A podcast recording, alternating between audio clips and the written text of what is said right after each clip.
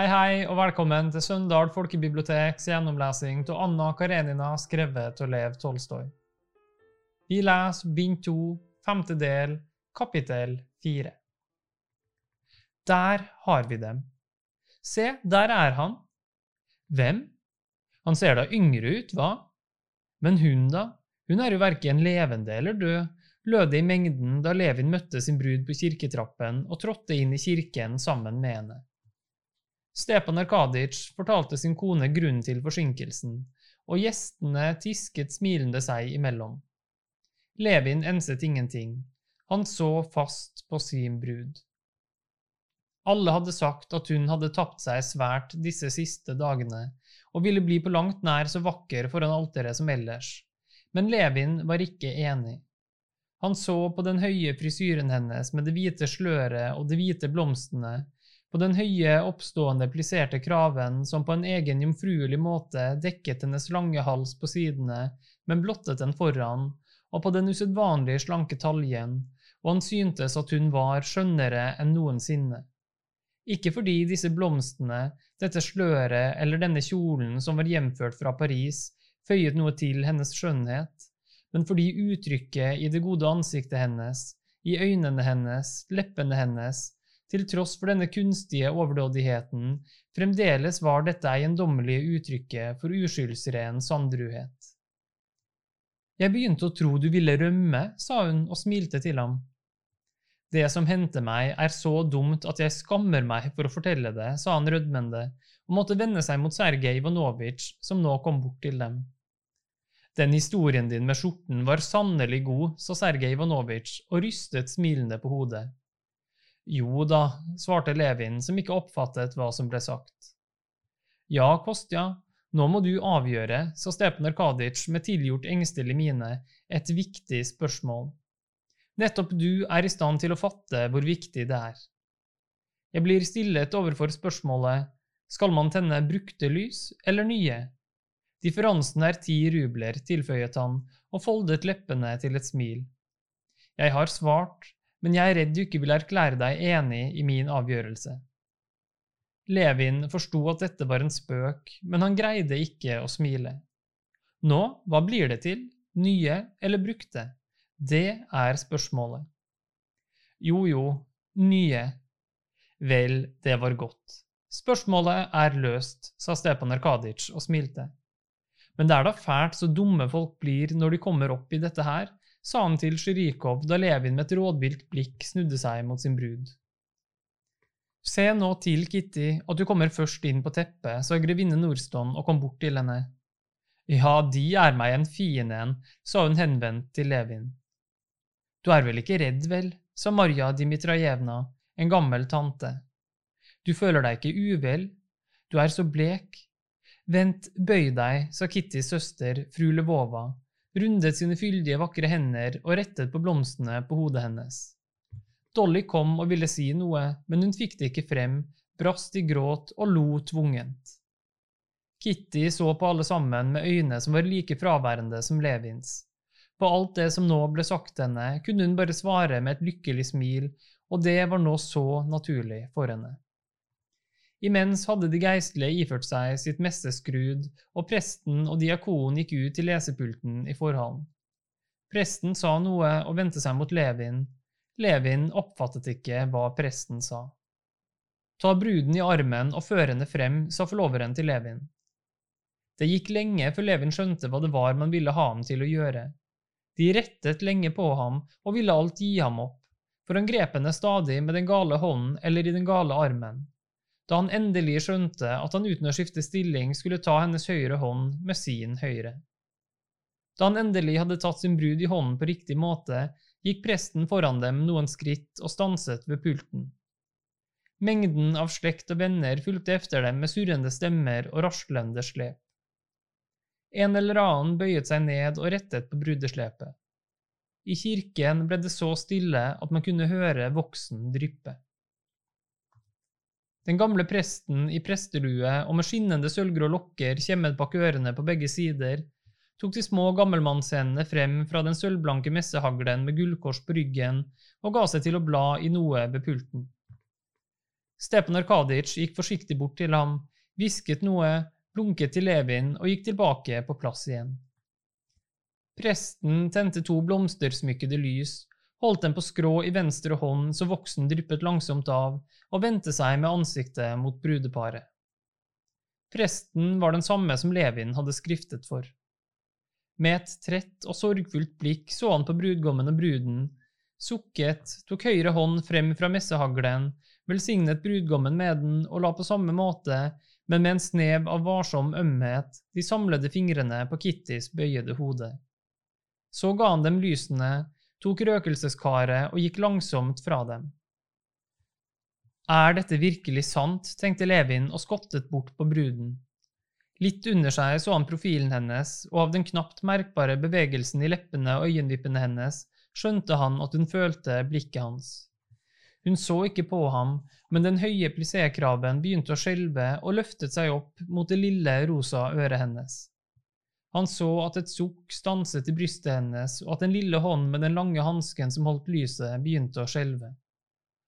Alt oppstusset omkring skjorten, forsinkelsen, ordvekselen med kjenningene og slektningene, deres misnøye og hans komiske situasjon, alt forsvant med ett, og han ble fylt med fryd og redsel. Den vakre, røslige protodiakon i sølvfarvet kjortel og med friserte krøller som strittet til sidene, trådte kjekt frem, tok med en vant bevegelse stolaen i to fingre og stillet seg rett overfor presten. Velsign, herre prest, gjenlød de høytidelige toner langsomt, den ene efter den andre så luftbølgene skalv. Velsignet være Herren vår Gud, nå og alltid og i evigheters evighet, svarte den gamle presten ydmykt og syngende, og fortsatte å bla i noe ved pulten. Og mens den fylte hele kirken fra vinduene til hvelvingen, hevet den fulle akkorden fra det usynlige koret seg kraftig og hvitt, vokste i styrke, stanset et øyeblikk og døde så stille hen. Som vanlig ble det bedt om frelse og evig liv, for Den hellige synode og for keiseren, men det ble også bedt for dem som ble trolovet, den Guds tjener Konstantin og je Katerina. At Herren vil sende dem fullkommen og fredsommelig kjærlighet og hjelp, det beder vi om. Det var som om hele kirken åndet med i protodiakons røst. Levin lyttet til ordene, og de slo ham. Hvordan har det kunnet gjette seg til hjelp, nettopp hjelp? tenkte han og mintes all den tvil og engstelse han nylig hadde vært igjennom. Hva vet jeg? Hva kan jeg utrette i denne skremmende, alvorlige saken, tenkte han, uten hjelp? Nettopp hjelp er det jeg trenger nå. Da diakonen var ferdig med kirkebønnen, vendte presten seg med boken mot dem som skulle troloves.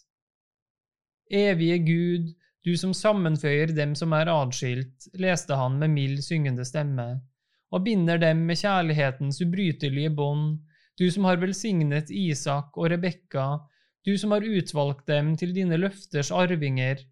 Velsign selv disse dine tjenere, Konstantin og Jekaterina, og led dem til all god gjerning. Ti du er en nådig og kjærlig Gud, og deg ærer vi, Faderen, Sønnen og Den hellige ånd, nå og alltid og i evigheters evighet. Amen, klang det atter ut i luften fra det usynlige koret.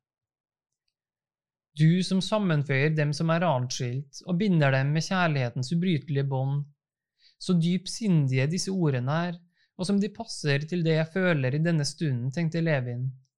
Mon hun føler det samme som jeg? Og da han snudde seg, møtte hans blikk hennes. Og av uttrykket i dette blikket sluttet han at hun hadde oppfattet det samme som han men det var ikke sant. Hun hadde så å si ikke oppfattet ordene i gudstjenesten, og hadde ikke lyttet under trolovelsesseremonien engang. Hun kunne verken lytte eller oppfatte. Så mektig var den ene følelsen som fylte sjelen hennes, og bare ble sterkere og sterkere. Denne følelsen var glede over at det nå var helt fullbyrdet, det som i hennes hjerte hadde vært fullbyrdet halvannen måned allerede, og som i alle disse seks ukene hadde voldt henne fryd og pine. I sjelen hennes var det den dag da hun i sin brune kjole i salen i huset på Arbat gikk bort til ham uten et ord og overga seg til ham. I sjelen hennes var det den dag og den time skjedd et fullkomment brudd med hennes tidligere liv, og et helt annet og nytt liv som var fullstendig ukjent for henne, var begynt. Men i virkeligheten omkring henne var det gamle fortsatt. Disse seks ukene var den saligste og kvalfulleste tid hun hadde vært igjennom. Hele livet hennes, alle hennes ønsker og håp samlet seg om denne mannen hun ennå ikke begrep, men som hun var bundet til med en følelse som var enda mer gåtefull enn selve mannen. En følelse som snart dro henne mot ham, og snart støtte henne bort, og på samme tid fortsatte hun å leve i de gamle forholdene. Mens hun ennå levet i dette gamle livet, ble hun forskrekket over seg selv, forskrekket over sin lammende likegyldighet overfor alt som hørte hennes fortid til. Ting, vaner, mennesker som hadde vært glade i henne, og som fremdeles var det, moren som tok seg nær av denne likegyldigheten, og den snille faren som hun før hadde elsket overalt i verden. Snart ble hun forskrekket over likegyldigheten, og snart glad over det som hadde gjort henne så likeglad. Hun kunne verken ønske eller tenke på noe annet enn samlivet med denne mannen, men dette nye livet var ennå ikke begynt, og hun kunne ikke forestille seg det klart engang. Det var kun forventning, gru og fryd over det nye og ukjente. Og å, Akkurat nå fikk alt sammen, forventningen, uvissheten og angeren over at hun hadde løsrevet seg fra sitt tidligere liv, en ende, og det nye skulle begynne. Dette nye kunne ikke annet enn være skremmende i all sin dunkelhet, men skremmende eller ikke, det var i alle fall fullbyrdet i sjelen hennes for seks uker siden. Det som nå skjedde, var bare en velsignelse av det som for lengst var foregått i Skien. Da presten var kommet tilbake til pulten igjen, fikk han efter litt besvær tak i Kittys lille ring. Balevin rekka ham hånden og satte ringen på det første fingerleddet hans.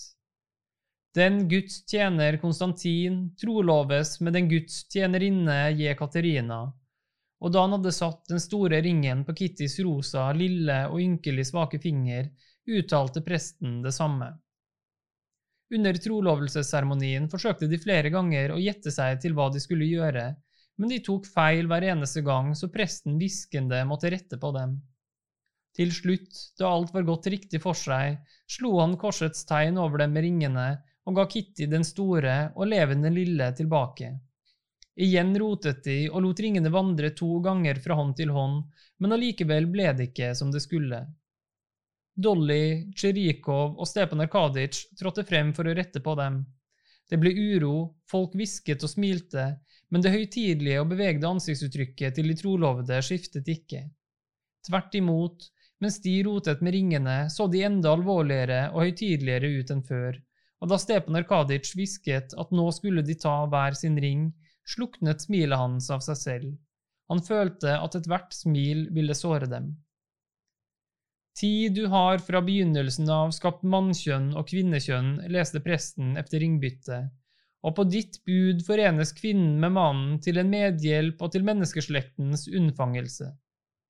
Tid du har selv, vår Herre og Gud, sendt sannheten som din arv og ditt løfte til dine tjenere, våre fedre, enhver i sin ett utvalgt av deg. Se i nåde til din tjener Konstantin og til din tjenerinne Jekaterina, og befest deres troskapsforbund i tro og endrektighet og sannhet og kjærlighet. Levin følte stadig sterkere at alle tankene hans om ekteskap, alle drømmene om det nye livet han skulle innrette, at det alt sammen hadde vært barnslige påfunn, og at dette var noe han hittil ikke hadde forstått, og som han nå forsto enda mindre av, enda det nå skjedde med ham. En skjelving trengte seg opp gjennom brystet hans, og tårene ville ikke adlyde, men sprang frem i øynene.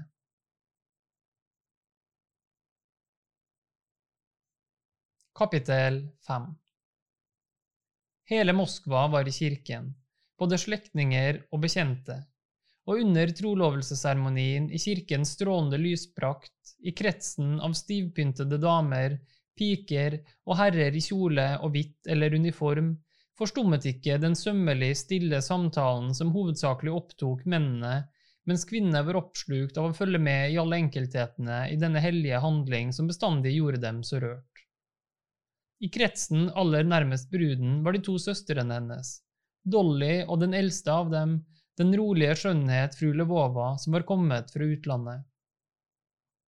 Hva kommer det av at Mary er lilla, nesten sort, i bryllup, sa fru Korsunskaja. Med hennes ansiktsfarve er lilla eneste redning, svarte fyrstinne Drubetskaja. Det forundrer meg at de holder bryllup om aftenen. Kjøpmannsskikk. Det er vakrere. Jeg ble også viet om kvelden, svarte fru Korsunskaja og sukket. Hun mintes hvor søt hun hadde vært den dagen, hvor latterlig forelsket mannen hennes hadde vært, og hvor annerledes alt var blitt nå. Det sies at den som er forlover mer enn ti ganger, ikke blir gift. Jeg ville gjerne være forlover for tiende gang for å forsikre meg, men plassen var opptatt, sa grev Sinjavin til den pene, ugifte fyrstinne Tsjarskaja som hadde ham i kikkerten. Fyrstinne Tsjarskaja svarte ham bare med et smil. Hun så på Kitty mens hun tenkte på hvordan også hun en gang sammen med grev Sinjavin ville stå som Kitty nå, og da minne ham om den vitsen han nettopp hadde sagt. Tsjetsjerbatskij fortalte gamle hoffrøken Nikolajevna at han ville sette brudekronen på Kittys chignon så hun skulle bli lykkelig. Hun skulle ikke ha hatt chignon på, svarte frøken Nikolajevna, som for lengst hadde besluttet at hvis den gamle enkemann hun var ute efter, ville gifte seg med henne, så skulle bryllupet holdes i all enkelhet.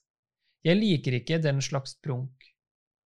Sergej Ivanovitsj pratet med Darja Aleksandrovna og forsikret henne spøkende at skikken med å reise bort etter bryllupet var blitt så utbredt fordi nygifte mennesker alltid føler seg litt skamfulle. Broren deres har grunn til å være stolt, hun er vidunderlig søt. De er nok litt misunnelige, tenker jeg.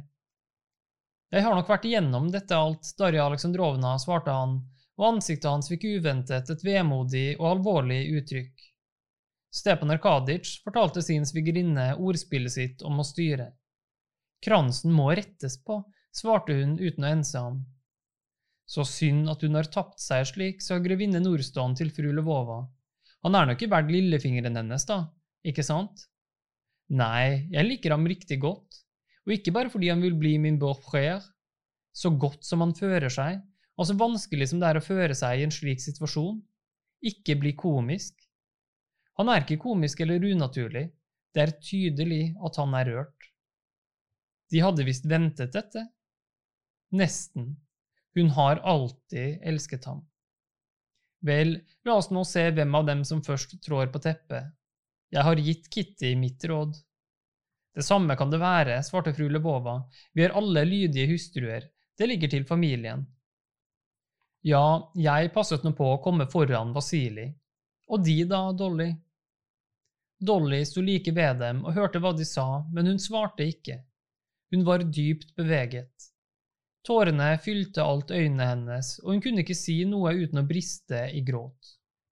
Hun gledet seg over Kitty og Levin, og i tankene gikk hun tilbake til sitt eget bryllup og kikket bort på den strålende Stepan Arkadic, så hun glemte alt nåværende og bare husket sin første uskyldige kjærlighet. Hun mintes ikke bare seg selv, men alle kvinner, venninner og bekjente.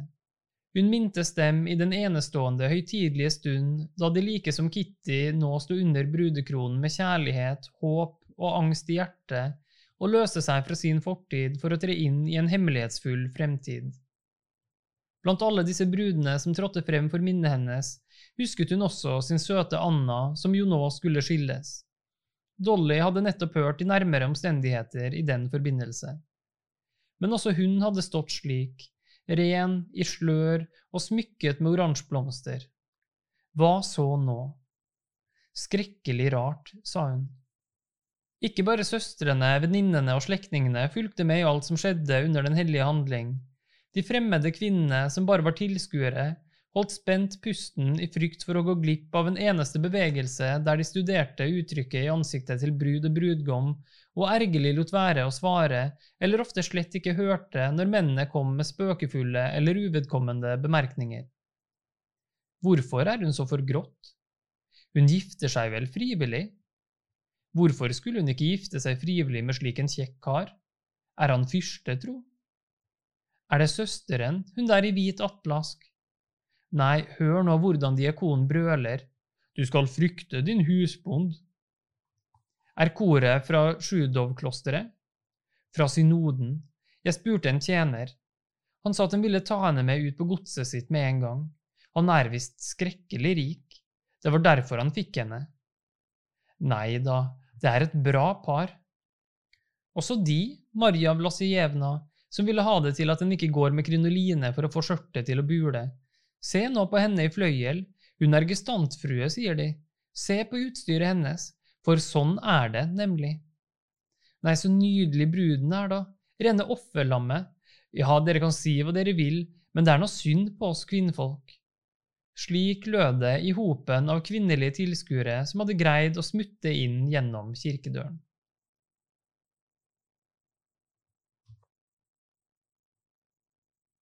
Kapittel 6 Da trolovelsesseremonien var ferdig, bredte kirketjeneren et stykke rosa silketøy foran pulten midt i kirken. Koret stemte opp en kunstferdig og vanskelig salme med vekselsang mellom tenor og bass, og presten vendte seg mot de trolovede og pekte på det utbredte rosa tøystykket. Hvor ofte og mye de begge hadde hørt at det var et tegn på hvem som kom til å bli overhodet i familien, at han eller hun trådte først på teppet, så kunne verken Levin eller Kitty huske det da de tok disse få skrittene frem. De hørte verken de høylytte bemerkningene eller diskusjonen som oppsto fordi noen mente å ha sett at han kom først, mens andre holdt på at de kom samtidig. Efter de sedvanlige spørsmålene om de ønsket å inntre i ektestand, og om de ikke hadde lovet seg til andre, og efter svarene som klang så underlig, begynte en ny gudstjeneste. Kitty lyttet til ordene i bønnen og ville gjerne forstå hva de betydde, men det greide hun ikke.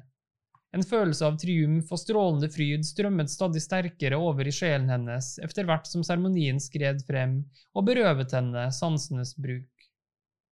Det ble bedt om at de må få visdom og livsfrukt til gavn, at de må få glede seg ved synet av sønner og døtre. Det ble minnet om at Gud har skapt kvinnen av Adams ribben og at derfor skal mannen forlate sin far og sin mor og bli hos sin hustru, og de to skal være ett kjød, og at denne hemmeligheten er stor. Det ble bedt at Gud måtte skjenke dem fruktbarhet og velsignelse som Isak og Rebekka, Josef, Moses og Sipora, og at de måtte få se sine sønners sønner. Alt dette var vakkert, tenkte Kitty mens hun lyttet til disse ordene.